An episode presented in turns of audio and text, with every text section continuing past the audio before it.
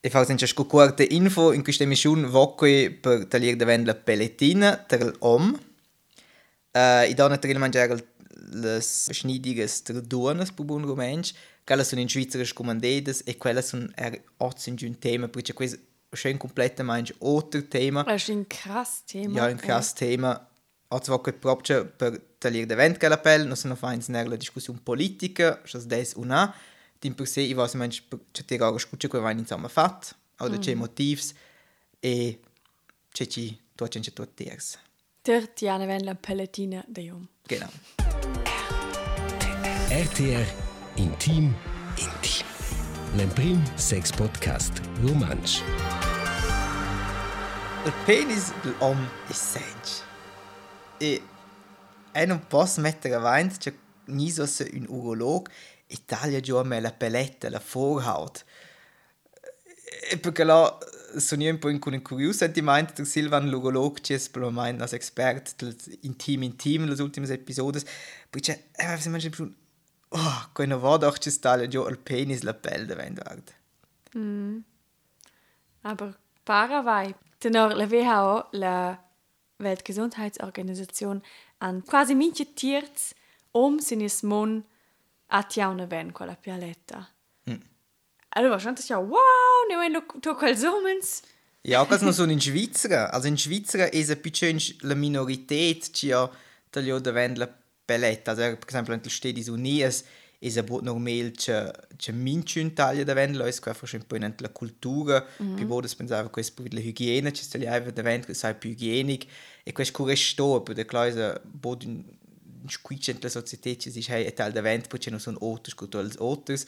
In Schweizer ist stat quello insomma che della igiene hanno in vantaggio. Ma è un po' indisputabile, du Ja. yeah. das dici, hey, oggi sind die noch so overcurrent, po minchen, a minchen le possibilità di kuna dir schultire na vostra pelle e kunaja. Der Land war bisschen schnell, ich da aber schon ein paar Jahre afrikans, in noch da grandes uh, Aktionen seit steht, in noch die hey kun kun pelette il risc più grande de de degna HIV, per klar da quel stadion no systems ci fem ci taglian de vent co e tuts. Il problem no ci sempre vis cals ci am lo taglio de vent la peletta wenn un schon aus so ni immun contra HIV e no faiven lo faiven lo più poch attenzione -hmm. cals con calet peletta also quello non è das einfach forse c'è bacterie so virus nos spemo che bain zu per So quella pialetta san quels quels bacterie se zu pa meir di. pega hai Aha.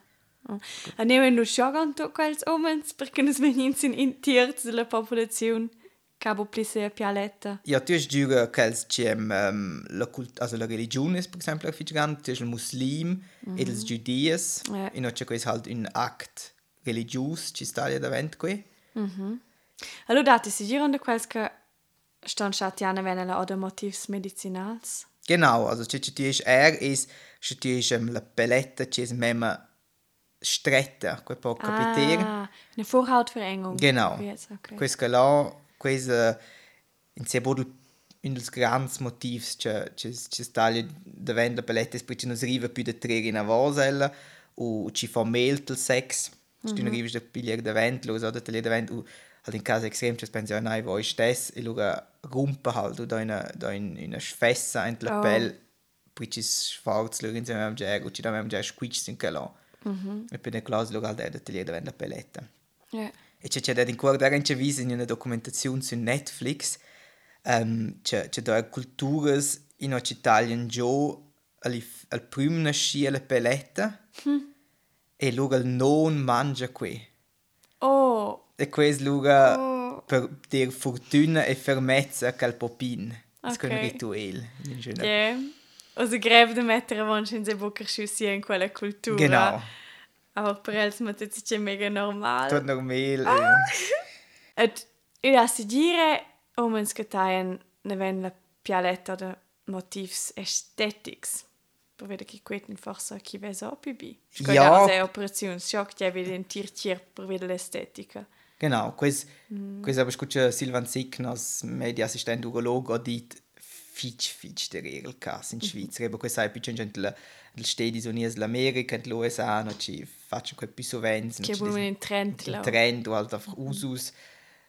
Aber tu non sai quei fitch din regel gas, ci faccia che. Eh, Ja gut, dass die Bibi personal mein in penis con la pialetta ni ti ha una ven. Ähm, hey, u difficil da dire in cas. Also, è depeletta. Et è chat qua per esempio il masturbere, du c'è chat quenche practic.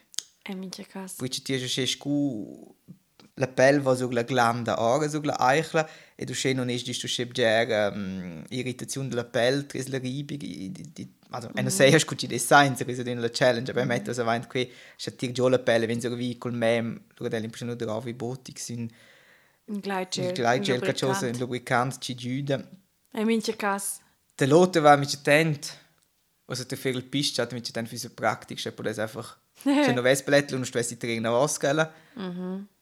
vascala Eu guarda Aber è sono contento che la governa perché i protegge la glanda che si stessa fic sensibile ed è erklärt ti puoi dire hey das più igienico non è forse su aber l'altro va protegge precis che le perché la pelle so wie also E io quel in effect dina- la natura vede schon stück gioco Exakt, quei è via meu punct che tracer per quasi tot wieder ne nies cirptati in motiv de cochi ai e schoia.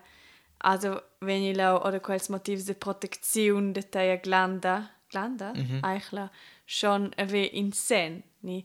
Jo è schon eine collega che dice ella quete pibi penis ca an popli quella pialetta davantier per vedere che el veselu o è en egal en cei um, forma c'è stedi eh egal en cei stadi che il veselu o pisa miliont ad in penis che dirs. A quelle biaga al melech le donne de din bi penis e in penis che hai dirs. i do ja duonas ci chatten più bel l'ho ein mega venes que è Ah, yeah. gerade ad ora più crasso usco stero che total constat. dit in a mezza a schöner raupo qualcosa con tot mili mili fodes ein Ja, quei mega ne demanda de gust. ja Et c'è la domanda è proprio da se has ti una ven quella pialetta as el lu pi sensibels ni pi pauc sensibels per vede de dina moda del dia bia pi sensibels te te te penis per vede che eh, lu bo pli schurmiaus aber de l'altra vart stias ne ven quella pialetta che schurmedia lu ven si dietras auf forza vi londres gares wie les couches wie de sai bo tes mauns gares che direkt silla silla glonda silla eichla et forza vegna lu cul temps pi pauc sensibels. Ja et der dum do Silvana so look.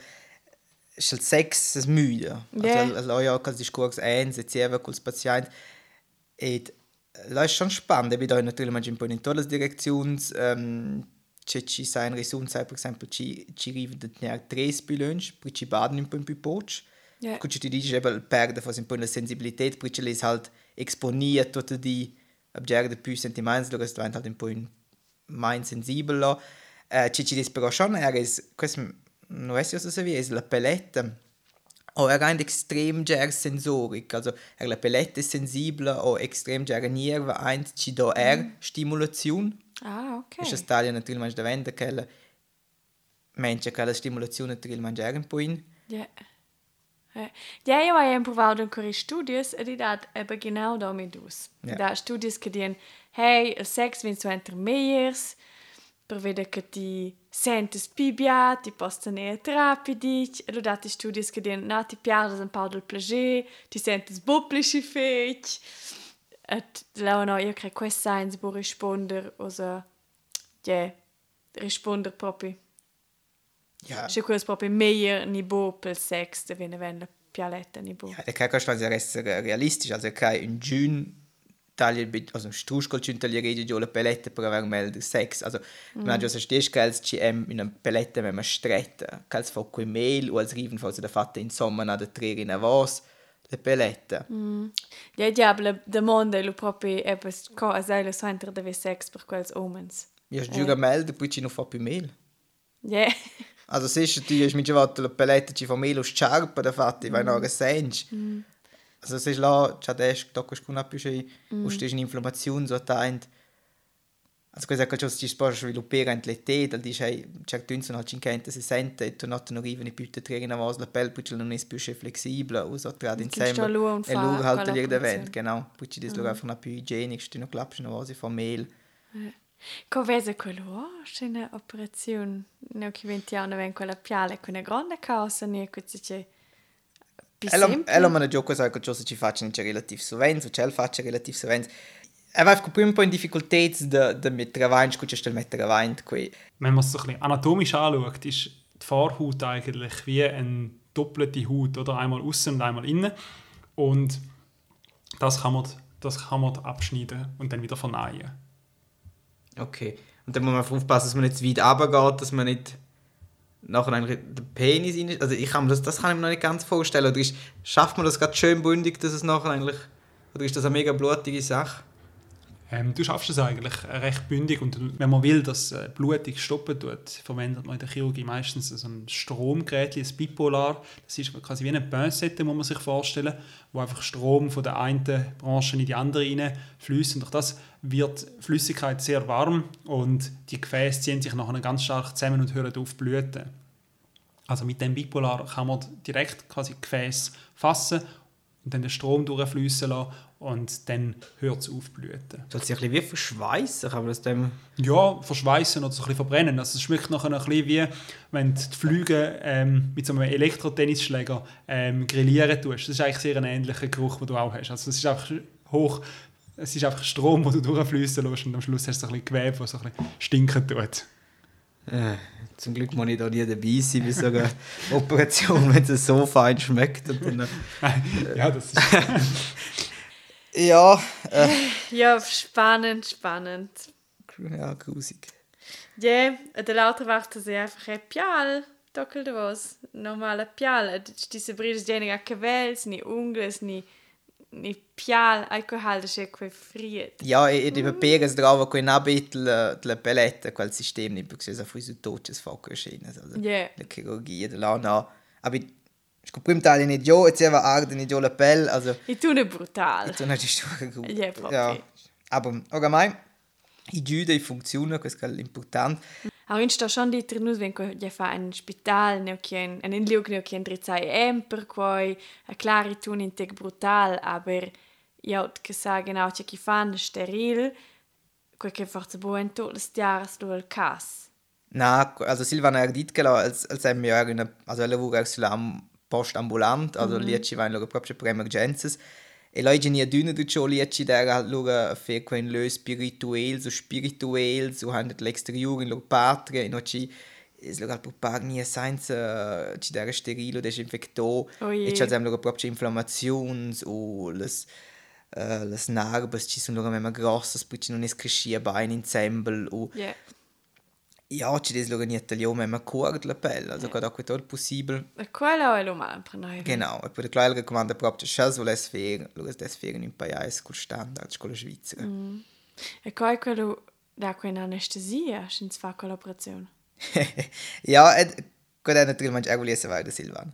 Normalerweise machst du das in einer lokalen Betäubung und nachher gehen wir mit einer Spritze, wie beim Zahnarzt, gehen wir dort an die Basis vom Penis an, machen wir eine lokale Betäubung und nachher spürst du nichts mehr davon.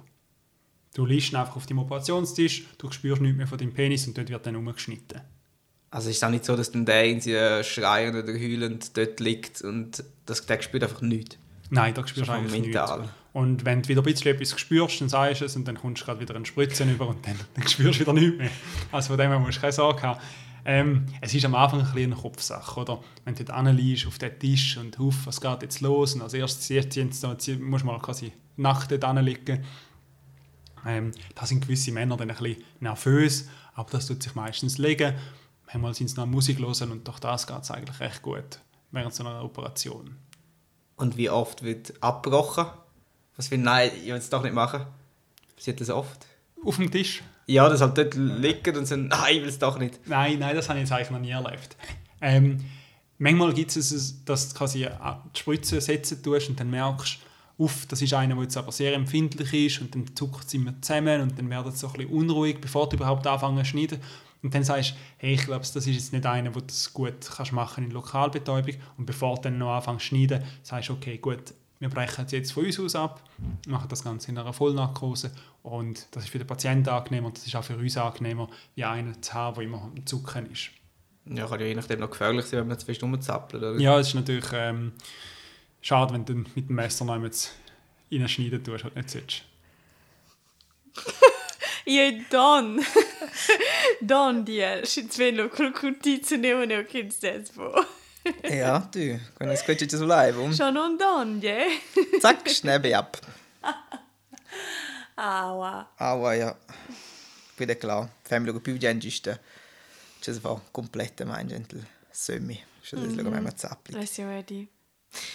Ich war inega fare un'esperienza con un uomo che aveva tiau ne ven la pial. Um, ed è schon dis che donna el aveva bude con mi avon, ma ben io ero sempre in viwai. Et se aveva ein Ja, aber du dir eins. Oh, forse sempre... Io ves crau jubilentsel ves io di mi sempre... Se io avevo ni jeans punti di contatto avon on con si chica um, aveva proprio la pialetta. Ed lui era lente più giufna, era sco che se lo sbuginau coi ad esempio con coi.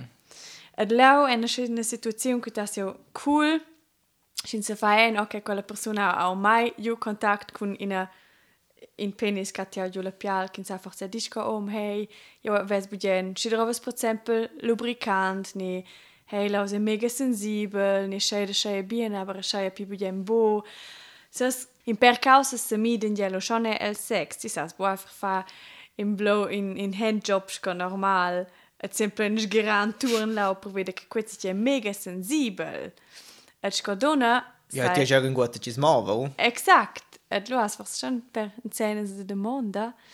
Et lo sau e un de quelle experiences con Elka ihre trel vevel e durant il sex de penetrazione pibia miseries de venite orgasm ni miseries ima ave sempre un pidic.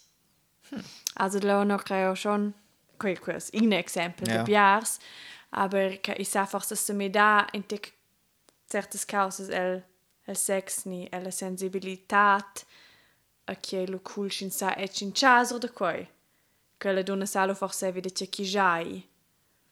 Ci sbada, c'è l'altro, si un po' in irrito o... ja genau. Che qui è bo è puzzi genau insomma bo aber Ja, è ja. cool shin sa da l'informazione di hey Schede schede war forse budene ni quei va bo shi bei ni fa mal ni memme sensibel ni Io einfach ein Tick bei dich, da kan ich wenig tras penetrazione di orgasmus, per cui già wieder quei che la obo plisci sensibel, ma ja glonda, ma ja eichla, sempre ko infos. Ja. Io al sentimento che in Svizzera wenn so busch, i, ni ho da mai esperienze, si sperta in contatto con un typ che abo pli, si è pial, si è pialetta. Also sai bo, anche non sti, sti, che ti sas os grat.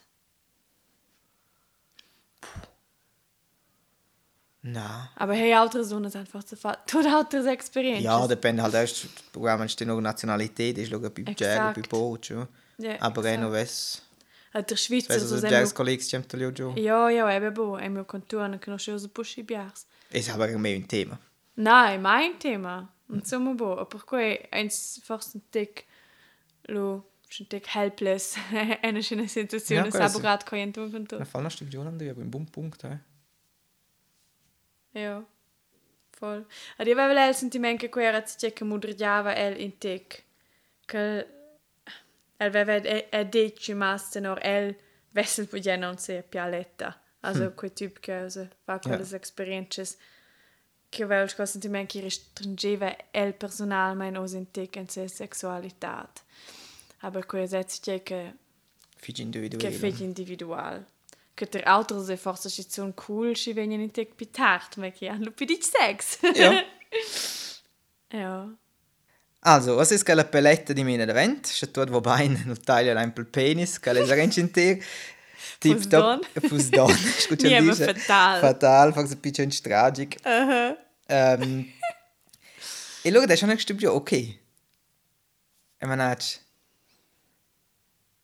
Ja, se ti so x una blessura, vedi ti chamma, oder se loro tragic, loro ci mini halt in col gips oder.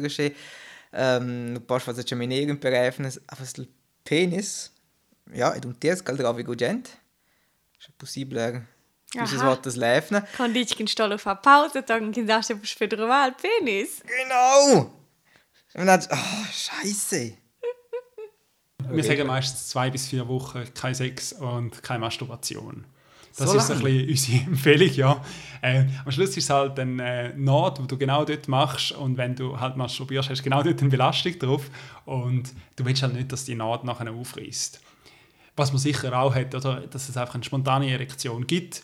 Ähm, das heißt, ich schon am zweiten Tag nach dieser Operation und es reißt ja dann auch nicht immer durch. Also von dem her, ja, ist sicherlich eine Empfehlung, um dort ein bisschen, ein bisschen zurückzutreten, aber ähm, Ach krass, jetzt denke ich zwei, drei Tage, aber natürlich, es ist ja wie eine, also es eine ist, Wunde, oder? Es ist halt Also, ein Wunden, ja. oder, wo, wo, wo rund ist und wo, wo du wo quasi muss verheilen, oder? Oh man. Poți cu un gran problem per te. Ah, ja, so. Du hast drei Jamnes. Du hast fin Gatteräfen, das kannst du mais. Ja, Wo den du ist schon Schäbel an. Also, wo den doch in du den Schäbel an. Das ist Mm. schon. Also, klar, das ist, das ist gut um Jäger, aber man hat die Schleunigste in Operation, ich laufe also ein Per, die sind Bockbridge, die Körper, die Statusproblems. ist gut Masturbieren, wäre Sex. Ja, aber zu kurz wenn der Jamne du, drei, sagst einfach so wie ein paar dir. Oder ja, halt noch Bonnet und irgendwann oh, Scheiße. Ja. Gut, also, das ist Logik, ich- aber ich weiß, das so stark, wenn es mit dem dies. Aber ja, das ist natürlich manchmal ein mega schwarz, wenn es in Kalapelst ist, dumpel sieht, ja. Ja. Okay, ma, das ist eine lustige Start, aber das ist per dies eine Diskussion und in eine Diskussion con, con un collega. E da allora di alle di battaglio da vendla peletta. Ah, du hast du deinen Kollegen, Katjana Vela. Vaiga, torna, was non ci dici? A Lucia ha raccontato. Ja, c'è quel fai aveva mega mail la glanda perché quella che tu sei sensibile. Ja. E c'è il vai volevo proprio als sai ci minuto tris comune. Loro sai una nonna, una tata, niederspiega via, dit oh nati poveret. C'è il stop c'è un nego c'è curious, perché c'è also non sai perché, aber c'è un vai c'è tu c'è go bo e poi vai c'è choches non c'è nai mit dem penis. E da fa già che fa oh, aga mail come se mai. raccontato alle tate da cocco. Nein, so quando na quando dai, non sai, aber c'è geil, c'è un proprio also che dice Du da collega hast du Tiana Vela? Ja, poi c'è la pelle da wenn man stretta. Ah, eh. ja. Ja. Oh je, je Papa Tag. Ja. Ja, maschera quattro Jammes Boden casa. Ja, ci volessi aspetta, tu già lavorare. O halt die accesi che comprare E questo è già il primo per dis, c'è tanto also, Ja, so ja, diese la bin landa. ja mit. Da lana kreist, ist schon mail. Lo tenni schon nach una due sefne science sex, poi ci fa einfach mehr mail. Voll, ok. E da di operationsnöck di sas, ach so entran so man jank pli e poi, jetzt lu, sas quattro Jammes senza sex, ja, ja, dir, ok, aber compare con altres krasses operations. Aber con un gips la chama, poi c'è una per l'amour. Nina, der Priorität in Ja, der Vita. e una domanda de priorità, Wesel. ja. Ja, ok. Con quel punto culminant, la domanda delle domande, due fin quattro efnes. Che potremmo finire questo podcast. Scrivivo gen a nus se wussten es so, du hast doch quattro Jammes senza sex niveau. Na, bis sexy, das ist ja la masturbazione, ma hast du hast fin quattro efnes, es progex faus la Realität und ja. ja. Mhm. Schon als es ist eine Relation, und Mhm. es ist eine Relation in Distanz und Ja, ja, Gabriele, Masturbation. Voll. Masturbation ist eben. Ja, basta. C'è fuoco un tocca al tempo, c'è sotto notte. Und schreibe novs Hobbys. Ja. Scrivo in cude, in quel tempo. Ja, basta. Okay, mai. Ja, ok, qua fusse sto. Exakt. Lu, su dinza, entusiasmus puspai. Mhm. Fino là. È Sams. Fidei bien. Tschüss. Ciao. RTR Intim Intim. L'Emprim Sex Podcast Romansch.